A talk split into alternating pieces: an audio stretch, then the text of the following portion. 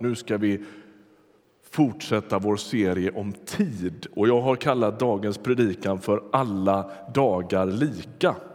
En del av er som är lite, åtminstone i min ålder och uppåt, ni minns att en gång i tiden så var inte alla dagar riktigt lika.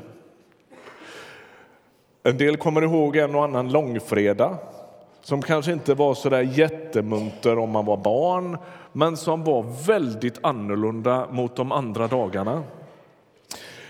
Eh, vilken söndag som helst så var det stängt i affären. Det gick inga gräsklippare på, på gräsmattorna och det hängde absolut ingen tvätt på tvättlinan.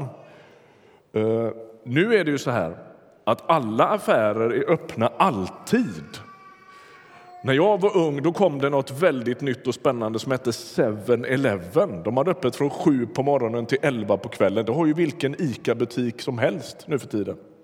Det har hänt något, va? Och om man någon gång kommer på att man ska åka till en affär och handla och det är stängt så ser man ju det som någon sorts personlig förolämpning. Va?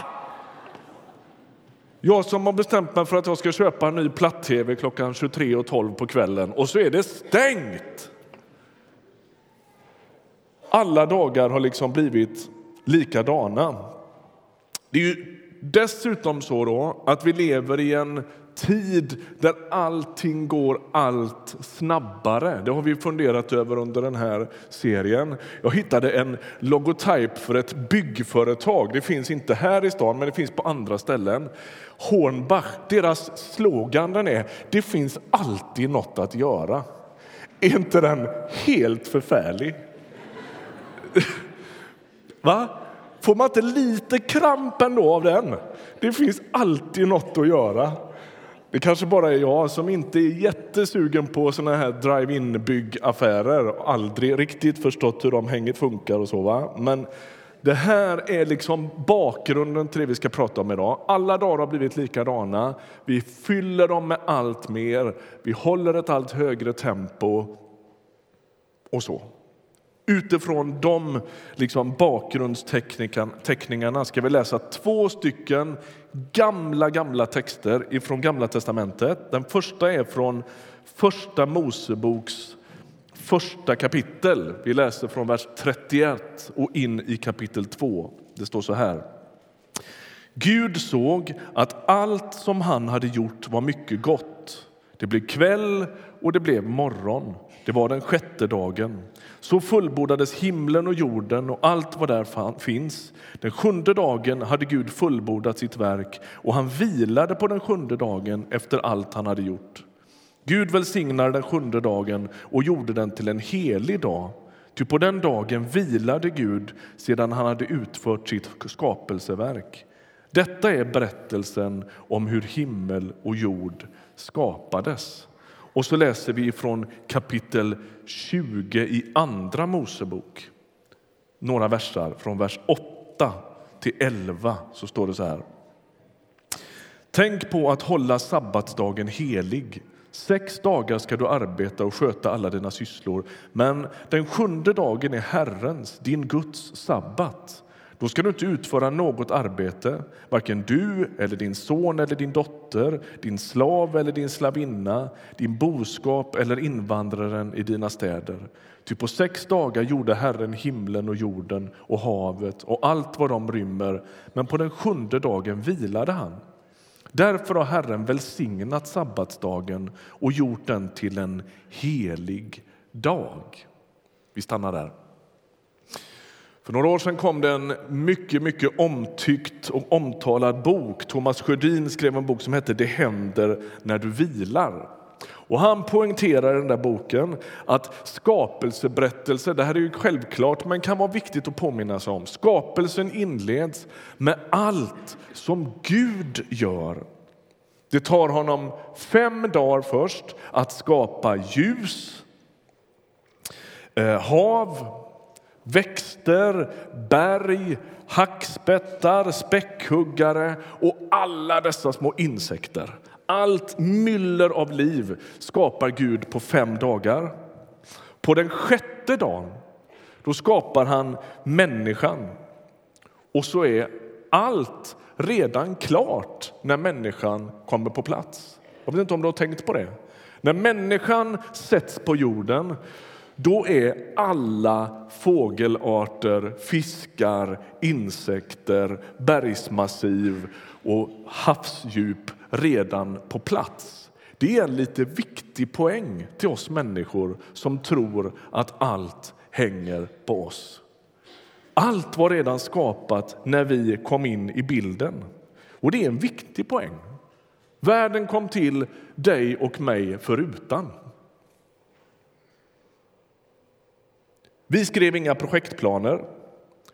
Vi äskade inga pengar, vi organiserade inga frivilliggrupper, vi mejslade inte fram någon klatschig vision som alla kom ihåg. Vi skruvade inte på några långsiktiga mål, inga delmål för hur vi skulle få Himalaya på plats.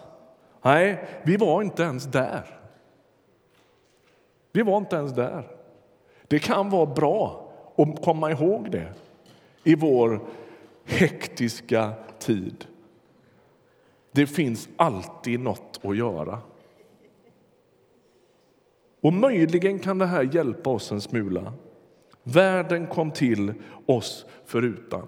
Och så på den sjätte dagen då kommer människan till och då är allt redan på plats som vi sa. Vi får inleda vår karriär på jorden med att njuta av allt det som Gud redan har skapat. Och så får vi ta emot det som en gåva. Människans tid på jorden inleds inte som sändare eller producent utan som mottagare.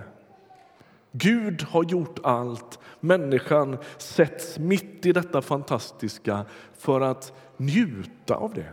Det är så det börjar för människan. Och vad händer sen? Jo, sen blir det kväll den sjätte dagen. Det är vår första kväll. Du som sitter nu och är naturvetare och grunnar över det där med hur många dagar det egentligen tog, det är inte dagens poäng. Vi bara duckar för den frågan. Den är inte så viktig. För en del är den det, men inte idag. Det är vår första kväll och sen vaknar vi upp till vår första morgon. Vad händer då? Är det full rulle då? Är det to-do-lista och liksom busstider att passa? Och ni vet hur vi berättade här om veckan om att hemmets trygga hamn har förvandlats från hamn till någon sorts flygplats där vi har alla våra avgångar och ankomster som ska försöka matchas. Och om vi har tur så är vi där samtidigt så att vi kan fika ihop. Det är lite mer så vi jobbar. Är det det som händer människans första morgon? Nej, det är det inte. Första heldagen i Edens lustgård är en vilodag. Så börjar det. Det börjar bra, eller hur? Människan inleder vandringen på jorden med att vila. Det var den sjunde dagen i skapelseberättelsen, men det var den första dagen för människan. Och Det här säger något viktigt till oss. Vilodagen är inte den dag då man svimmar av trötthet med blodsmak i munnen för att man har kört så hårt under veckan att man inte orkar en meter till. Det är inte den ordningen som det är tänkt, utan det är tvärtom. Vilodagen är den första dagen som gör att man sen kan arbeta, studera, fylla sin tid med en och annan ansträngning. Absolut hör det hemma i livet. Bibeln talar om att arbeta hårt och att bli trött, absolut. Men det börjar med att man liksom kalibrerar livet rätt. Sen kommer arbetsveckan. Man kan säga att vilodagen sätter tonen för alla andra dagar. Ja, vi ska arbeta och vi ska som sagt till och med arbeta hårt. Det är bra att ibland bli trött. Men det sker med vissa sanningar i ryggen. Världen är skapad mig förutan. Det kan vara bra att påminna sig om det. Allt cirklar runt Herren Gud och inte runt mig. Vilan är inte något ont eller något nödvändigt men irriterande avbrott i stök och jäkt utan en del av ordningen. Vilan är en del av att vara människa, skapad av Gud. Och med det här perspektivet så blir inte vilodagen påhänget på slutet eller tillägget. Nej, det är liksom utgångspunkten för att börja funka i livet. Och Bibeln säger att vilodagen är till för att njuta skapelsen men också att njuta Gud själv. Det är på vilodagen som kropp, själ och ande fylls på, kalibreras och ställs i rätt förhållande till både skapelsen och till Herren Gud själv. Och människan sätts också i rätt förhållande till sig själv. Hur många dagar omfattar berättelsen om skapelsen? Är det sex dagar eller är det sju? Just Gud skapar världen på sju dagar. Vilan ingår i berättelsen. Och Det här blir viktigt, därför att om jag bryter mot viloordningen så bryter jag mot den gudagivna skapelseordningen. Är du med på det? Vilan kommer inte med syndafallet. Människan börjar inte bli slapp efter ormen. Det är liksom inte den kopplingen, utan vilan är en del av en god paradisisk ordning i livet. Och om man slarvar med den så bryter man mot Guds givna skapelseordning. Vi har ju tidigare i serien här konstaterat att vi stressar tills vi blir sjuka. Jag berättade för några veckor sedan att enligt ett institut som, som mäter sådana här saker så dör cirka 200 svenskar varje år av arbetsrelaterad stress.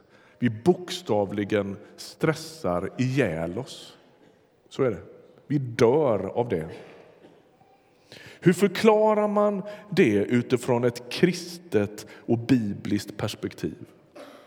Kan det vara så, jag lanserar den tanken, att det sker givetvis av massvis med olika skäl, det är alla med på. Det här med stress och dåligt mående och, och utbrändhet och alla de här begreppen. Det är ju superkomplicerade sammanflätade orsakssamband, det är inte en sak.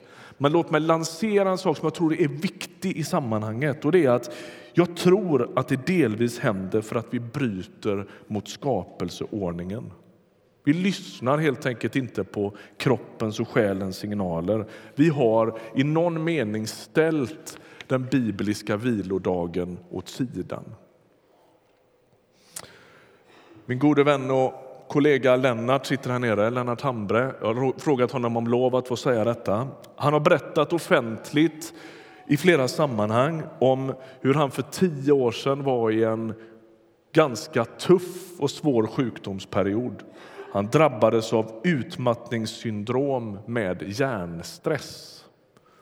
Och han beskriver det här själv som att han blev sjuk som ett resultat av flera saker, bland annat sammanfattar han det med att han syndat mot skapelseordningen.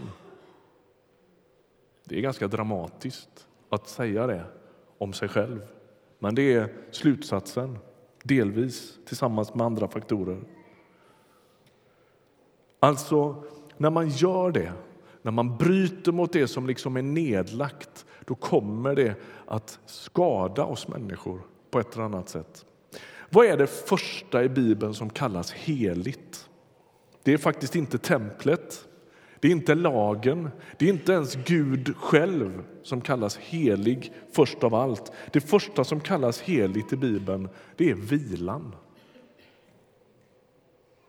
Vad betyder det att det är heligt? Det betyder att det är man skulle kunna sätta en varningsskylt på det. Tulla inte på det. Förhandla inte bort det.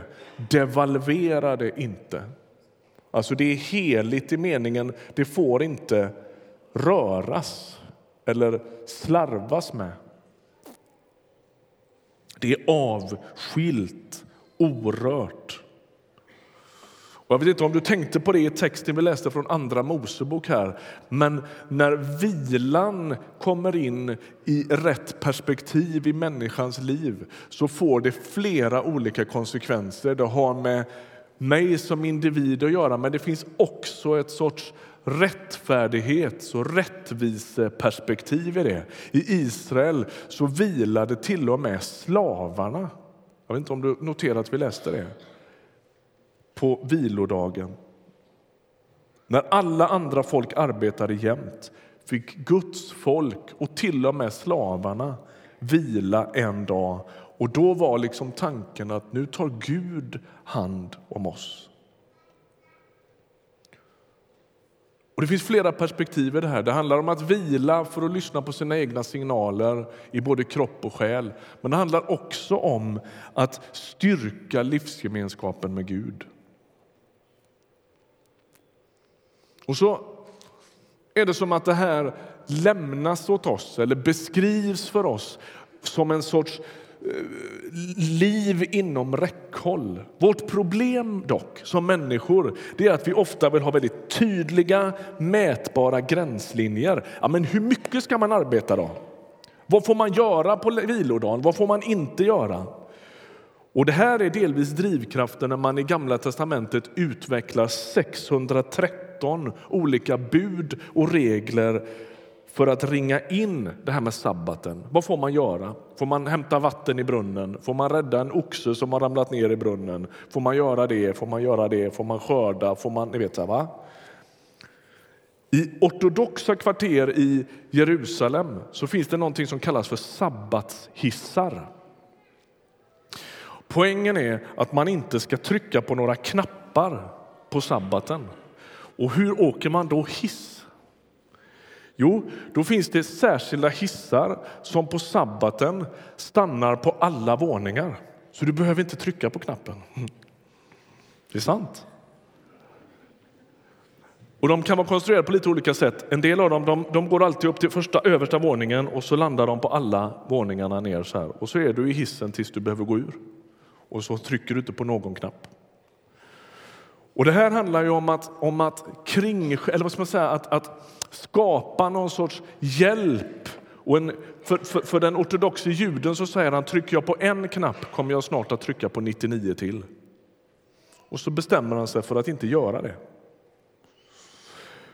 Man kan ha viss sympati för det, men man kan också problematisera det lite. Och det gör ju Nya testamentet och liksom löser oss lite ifrån den typen av så här, detaljstyrd vila.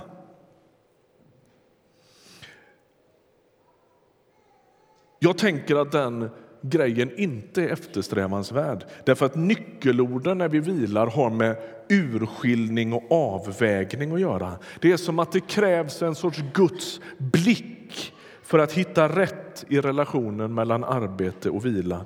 Men en god hjälp för att finna bra ordningar i sitt liv det är att vara noga med sin rytm. Vi behöver en dags vila varje vecka. Vi behöver vila någon period varje dag, någon en dag varje vecka och en period varje år. Dagsvila, veckovila och årsvila. Och jag tänker du som till exempel är student här inne och har massor att läsa. Var ändå noga med en dag i veckan. Den är helgad för icke-studier. Detsamma gäller oss som går till jobbet. Alla dagar bör inte vara lika. Det blir helt enkelt inte bra.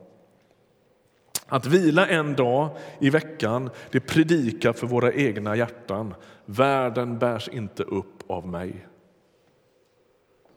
Jag är inte så oumbärlig som jag tror.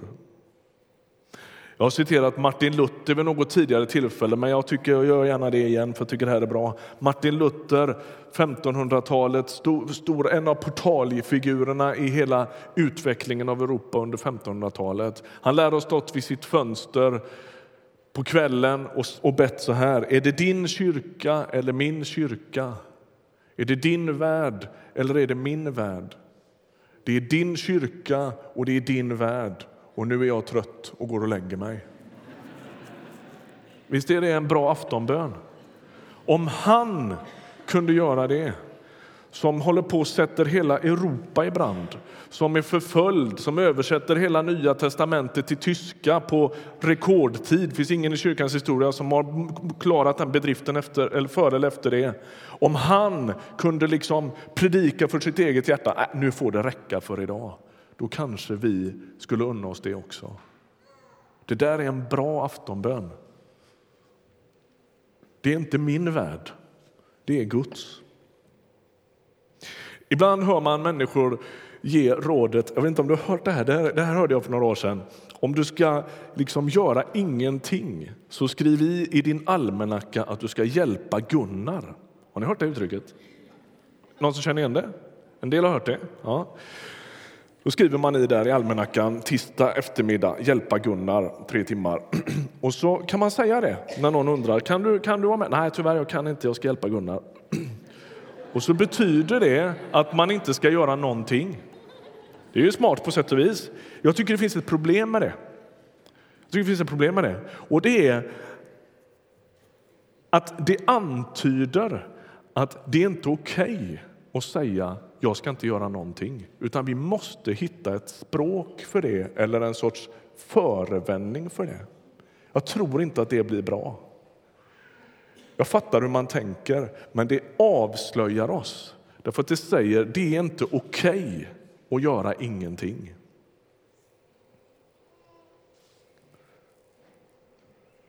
Jag tänker att en drivkraft i våra liv har med vårt så kallade messiaskomplex att göra. Vi älskar att vara behövda. När någon på jobbet säger det här går inte utan dig så blir vi ändå lite bekräftade av det. Va? Och då tänker jag, då behöver man vara lite vaksam. Det får man inte liksom, slänga för mycket bränsle på. Det här skulle aldrig gå utan dig. Jo, men det gör ju det. Va? Jag sa till eh, Sus idag när vi åkte hit, jag har hört hur många kommentarer som helst om förra söndagen, att det är en av de bästa gudstjänster vi har haft här på år och dag. Och jag tänker det är nyttigt för pastorn att höra att det har aldrig varit så bra som när han var borta. Eller hur? Det är jättebra. Det är jättebra. Det blir aldrig så bra som när han åker runt halva jorden och är borta i tio dagar. Jämför det. Jag hörde en predikant som sa så här. Jag, jag, kan inte vara ledig mer än 14 dagar i stöten på sommaren därför att församlingen sjunker så i anden när jag är borta. Vad betyder det ens? Vad betyder det ens att sjunka i anden? Vad är det för något? Vilken kramp, va? Är du med? Det här går aldrig utan mig. Det där kan du översätta till din vardag. Och det där är en lögn. Kasta inte bränsle på den brasan. Du kommer att dö då. Det göder ditt så kallade messiaskomplex av att du skulle vara oumbärlig. Jag har berättat förut om en liten busig kille med en möjlig bokstavskombination. Han hette Mark. Han var fyra, fem år gammal och skulle vara med och spela i ett drama om just skapelsen. Hans uppdrag var att stå uppflugen på en stege bakom ett skynke och när de sa var det ljus, då skulle han tända. Det var hans uppdrag i dramat. Men han, det kryper hela kroppen på Mark och han är så busig och han vill leka och greja och han tycker det är så jobbigt att stå still på den här stegen. Så en dag kommer han fram till söndagsskolefröken och så rycker han henne i kjolen och säger Mrs Brown, I think, I think I'm too crazy to be God today. I think I'm too crazy to be God today. Det är bra. Steppa ner från idén om att du bär tillvaron.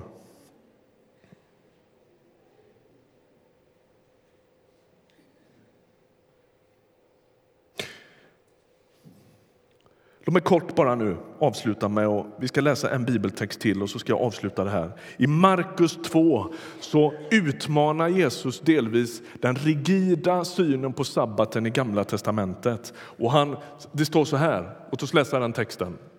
Den kommer en sabbat tog han vägen genom sädesfälten och lärjungarna började rycka av ax medan de gick. Då sa fariseerna till honom, varför gör du sånt på sabbaten som inte är tillåtet? Han svarade, har ni aldrig läst vad David gjorde när han och hans män blev hungriga och inte hade något att äta? Han gick in i Guds hus, det var när Eviatar var överstepräst, och åt upp skådebröden som inga andra än prästerna får äta och gav också dem som var med honom. Och nästa. Och Jesus sa till dem, sabbaten blev till för människan och inte människan för sabbaten. Alltså är Människosonen Herre också över sabbaten. De stränga reglerna i Gamla testamentet och som utvecklas också i en muntlig tradition förvred sabbatens ursprungstanke så att den faktiskt blev en börda istället för en lättnad. Människosonen, säger Jesus, är herre över sabbaten. Vad innebär det för oss som har gjort alla dagar lika? Att Jesus vill utöva sitt herravälde över vår vila. Jag tror att den som gör alla dagar lika utmanar Jesu herravälde. Vi gör oss mer oumbärliga än vad vi är. Sammanfattningsvis nu då. Gud vilar inte efter sex dagar för att han är trött. Han skulle kunna skapat en miljard världar och han skulle inte ens bli andfådd. Han gör det för att han vill ge oss ett exempel. Gud kan inte tröttas, men han gör det för att ge oss ett exempel. Jag tycker du ska arbeta hårt, studera hårt, ha höga mål för ditt liv, men du ska också vila med gott samvete. Och då ska man veta att vila inte ser likadant ut för alla människor. Och jag tänker att det blev ett problem när judarna skapade sina rigida sabbatsregler eller när kristna har gjort likadant. Att iaktta sabbaten, eller vilodagen, det är att göra något annat. Är du med på det? Om du är trädgårdsmästare fem, sex dagar i veckan, då kanske det är att läsa en bok. Men om du sitter med näsan i böckerna hela veckan, då kanske det är att påta i trädgården. Sabbaten, eller vilan, det är att göra något annat. Tänk till på hur du vilar, för man kan vila utan att egentligen hämta kraft. Jag tror inte att Gud bara unnar oss en veckovila, utan han kallar oss till den. Det finns en sorts helig kallelse och ett allvar i att hitta en god rytm i sitt liv. Det första som kallas heligt är inte Gud, utan vilan. Kom ihåg det. Slutligen, Jesus är sabbaten personifierad. I honom är himlen redan här. Och du som sitter här och sliter med ditt liv, som har den där blodsmaken i munnen och känner jag orkar inte en meter till. Jesu budskap till dig är att i honom kan du finna vila för ditt liv. Jag tror, och det är min djupa erfarenhet att det är så. Han kan lyfta av dig din börda. Att komma till Jesus, att avbörda sig, att sluta vara Gud och att omvända sig från sin stolthet och sina messiaskomplex. Den bönen kommer Gud att ta på fullaste allvar. Till sist är det så här att hos Jesus där får man andas ut. Du som sliter, kämpar och är andfådd och undrar hur i hela livet ska du få ihop ditt liv. Hos Jesus finns vilan som du saknar. Och varje gång vi iakttar vilodagen så påminner vi hela världen och vi påminner våra egna hjärtan om att en dag är fighten över. Varje vilodag påminner dig om att himlen kommer. Och en dag är fighten över. Amen. Vi ber tillsammans. Herre, du känner våra hjärtan. Du vet vad vi lever med, vi sliter med. Vi är barn av vår tid, på gott och ont. Vi jagar, vi grejar, vi sliter och vi kämpar och ibland jagar vi efter något som vi knappt riktigt vet själva vad det är. Vi ber dig nu, Herre, om hjälp. Vi kommer till dig, du som förmår ställa saker till rätta Och så lägger vi våra liv inför dig. Vi ber att vi som tror på dig skulle få utgöra en heligt annorlunda kultur som inte jagar som andra. Vi ber om det. Vi ber att vår rytm skulle utgöra ett vittnesbörd. Vi ber att vi skulle vara goda undantag i sjukskrivningsstatistiken. Därför att du leder oss och formar oss och fostrar oss att vila på ett sätt som du har tänkt. Och så vill jag be Jesus för den som är här idag som är så sliten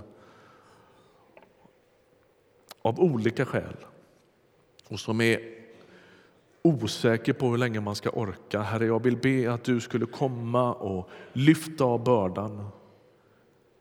Fostra till ett liv i lydnad inför dina vilobud. Vi ber att få omvända oss ifrån våra messiaskomplex. Vi lägger ner alla försök att vara oumbärliga, gudalika. Du ensam är Herre. Du ensam är oumbärlig. Tack att du hör när vi ber. I Jesu namn. Amen.